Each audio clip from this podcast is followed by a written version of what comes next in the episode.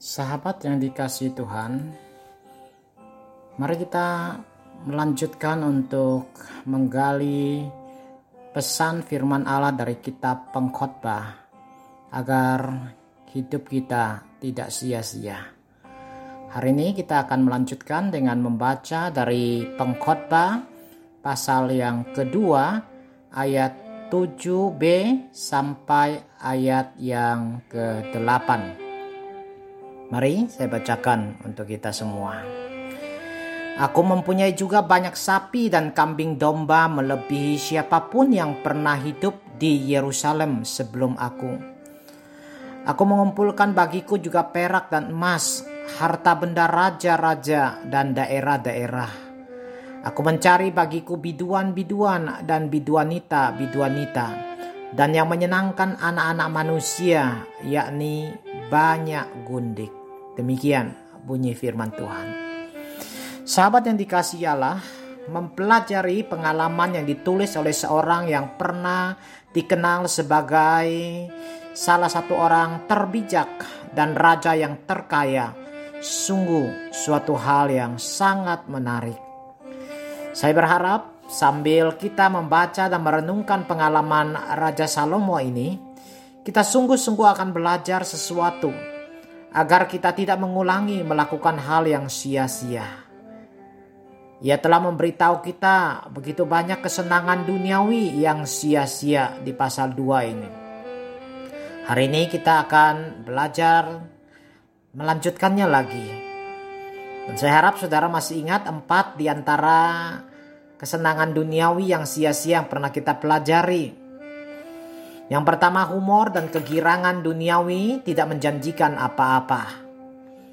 Yang kedua minuman dalam botol dan narkoba akan semakin memperburuk keadaan.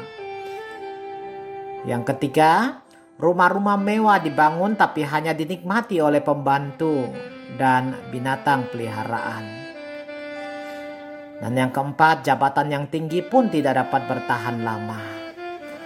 Nah hari ini saya akan mengajak sahabat yang dikasih Allah untuk menjelajahi tiga macam kesenangan duniawi lagi yang telah pernah dicoba oleh Raja Salomo yang juga akhirnya sia-sia. Yang pertama, mengumpulkan harta benda juga adalah kesia-siaan. Kalau kita perhatikan di ayat 7b sampai 8a, apa yang dikatakan di sana bahwa ia memiliki sapi dan kambing domba melebihi siapa pun yang pernah hidup di Yerusalem. Kita melihat catatan di dalam Alkitab bahwa pada saat pentabisan bait Allah yang dibangunnya, Salomo mempersembahkan sapi dan kambing domba dalam jumlah yang tidak terhitung dan tak terbilang banyaknya. Satu Raja-Raja pasal 8 ayat 5. Lalu dia juga mengatakan dia mengumpulkan banyak perak dan emas. Berapa banyak saudara? Raja Salomo dicatat membuat banyaknya perak di Yerusalem sama seperti batu. Di satu Raja-Raja pasal 10 ayat 27. Sedangkan emasnya begitu berlimpah. Penghasilannya yang pasti setiap tahun yang tercatat adalah 666 talenta emas satu talenta itu setara dengan 34 kilo. Jadi penghasilan berupa emas yang tetap dan pasti tercatat tiap tahun 22.644 kilogram emas banyaknya saudara. Sahabat. Tentu ini tidak termasuk persembahan-persembahan dari raja-raja dan upeti dari bupati-bupati. Jadi boleh dikatakan Raja Salomo telah mengumpulkan harta yang tak terhitung banyaknya. Apakah pada akhirnya ia bangga atas semuanya? Apakah ia dapat membawanya saat Tuhan memanggilnya kembali menghadapnya? Sama sekali tidak. Bagaimana dengan keluarganya yang juga ikut menikmati begitu banyak harta yang dia kumpulkan? Kita boleh melihat bahwa keluarganya berantakan. Anaknya yang bernama Rehabeam yang naik tahta menggantikannya tidak memiliki hikmat. Kerajaan mulai pecah di bawah pemerintahan anaknya. Begitu tragis dan menyedihkan. Saya pernah mendengar seorang mengungkapkan keprihatinnya keprihatinannya atas banyak keluarga orang kaya. Ia mengatakan, mengapa ada begitu banyak orang mengumpulkan harta akhirnya merusak keluarganya? Sungguh sulit untuk dijawab sahabat. Ketika mempelajari ayat yang kita bahas hari ini, saya juga sempat bertanya-tanya, mengapa hanya sedikit orang yang belajar dari sejarah? Mengapa mereka tidak membaca kisah Raja Salomo dan belajar menjadi bijak? Mengapa mereka masih mengorbankan keluarga dan anak-anaknya hanya demi mengejar harta yang sementara, yang sia-sia? Mereka yang mengejar harta memang mereka mendapatkannya, tetapi akhirnya banyak juga yang kehilangan anak-anaknya. Anak-anaknya dibiarkan bertumbuh bersama pembantu, babysitter yang bukan orang percaya. Anak-anaknya dibiarkan mengikuti gaya hidup orang di luar. Padahal seharusnya orang tua lah yang menjadi teladan dalam hidup yang sesuai dengan firman Tuhan. Anak-anak membutuhkan kasih dan perhatian orang tua. Tapi orang tua menyodorkan uang dan tak jarang memaksakan les demi les tanpa memberinya istirahat. Maka tidak heran anak-anak memberontak dan kecewa dengan orang tua mereka. Ada sebuah pertanyaan orang bijak yang patut kita renungkan. Hai orang tua, untuk apa engkau menggali setiap inci emas di luar rumahmu, sementara engkau kehilangan anak di dalam rumahmu? Saya berdoa dan berharap kita tidak mengejar harta sampai-sampai melupakan anak-anak kita yang jauh lebih berharga. Ingatlah terus, harta benda itu hanya mempunyai nilai sementara. Tapi anak-anak yang Tuhan titipkan dalam keluarga kita itu mempunyai nilai kekekalan yang tiada tara.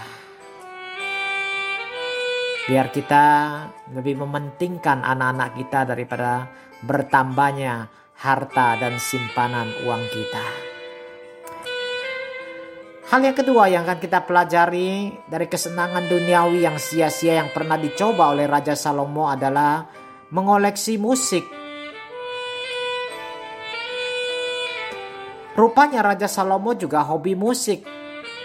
Ia mempunyai biduan-biduan dan biduanita-biduanita.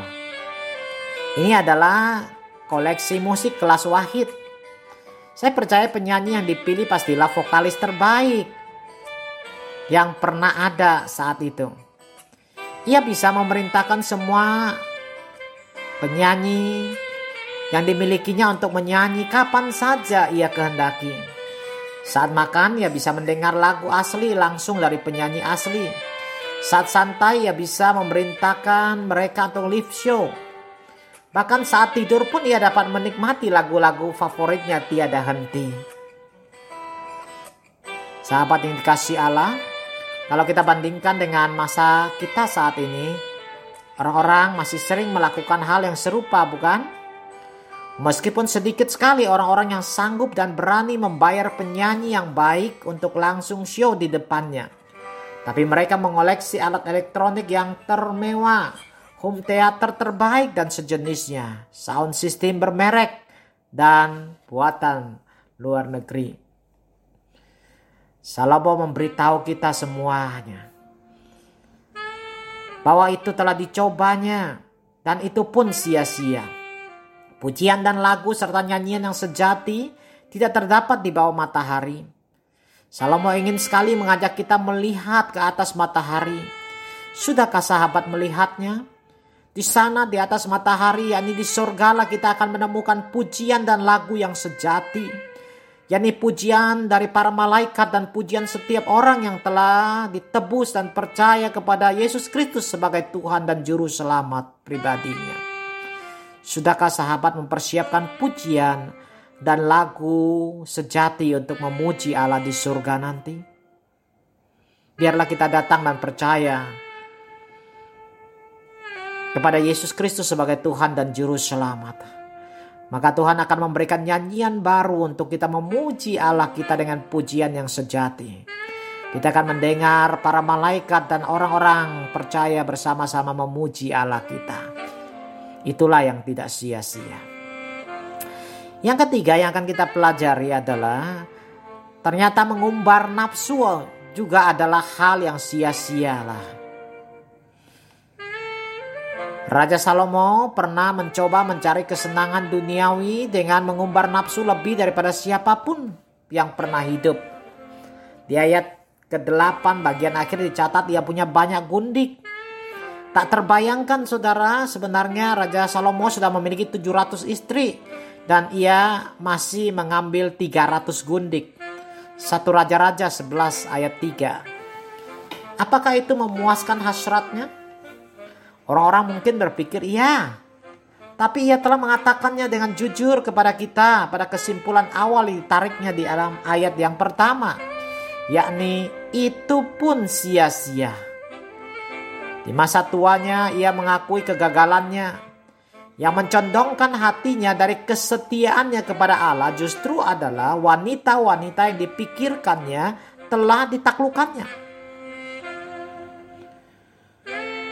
Banyak orang juga mencoba hal yang pernah dilakukan oleh Raja Salomo.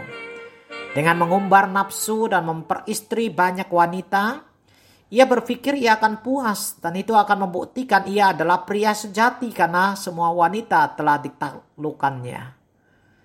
Akan tetapi pengalaman Raja Salomo memberitahu kita bahwa lelaki yang mengira ia telah menaklukkan wanita itulah laki-laki yang sebenarnya telah ditaklukkan oleh wanita. Marilah kita menjaga nafsu kita dengan hati-hati, sahabat.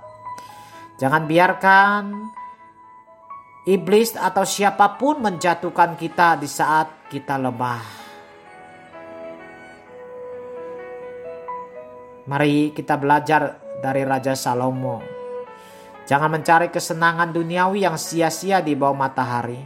Kembalilah mencari Tuhan yang ada di atas matahari. Hanya Tuhan yang dapat membuat hidup kita tidak menjadi sia-sia. Amin.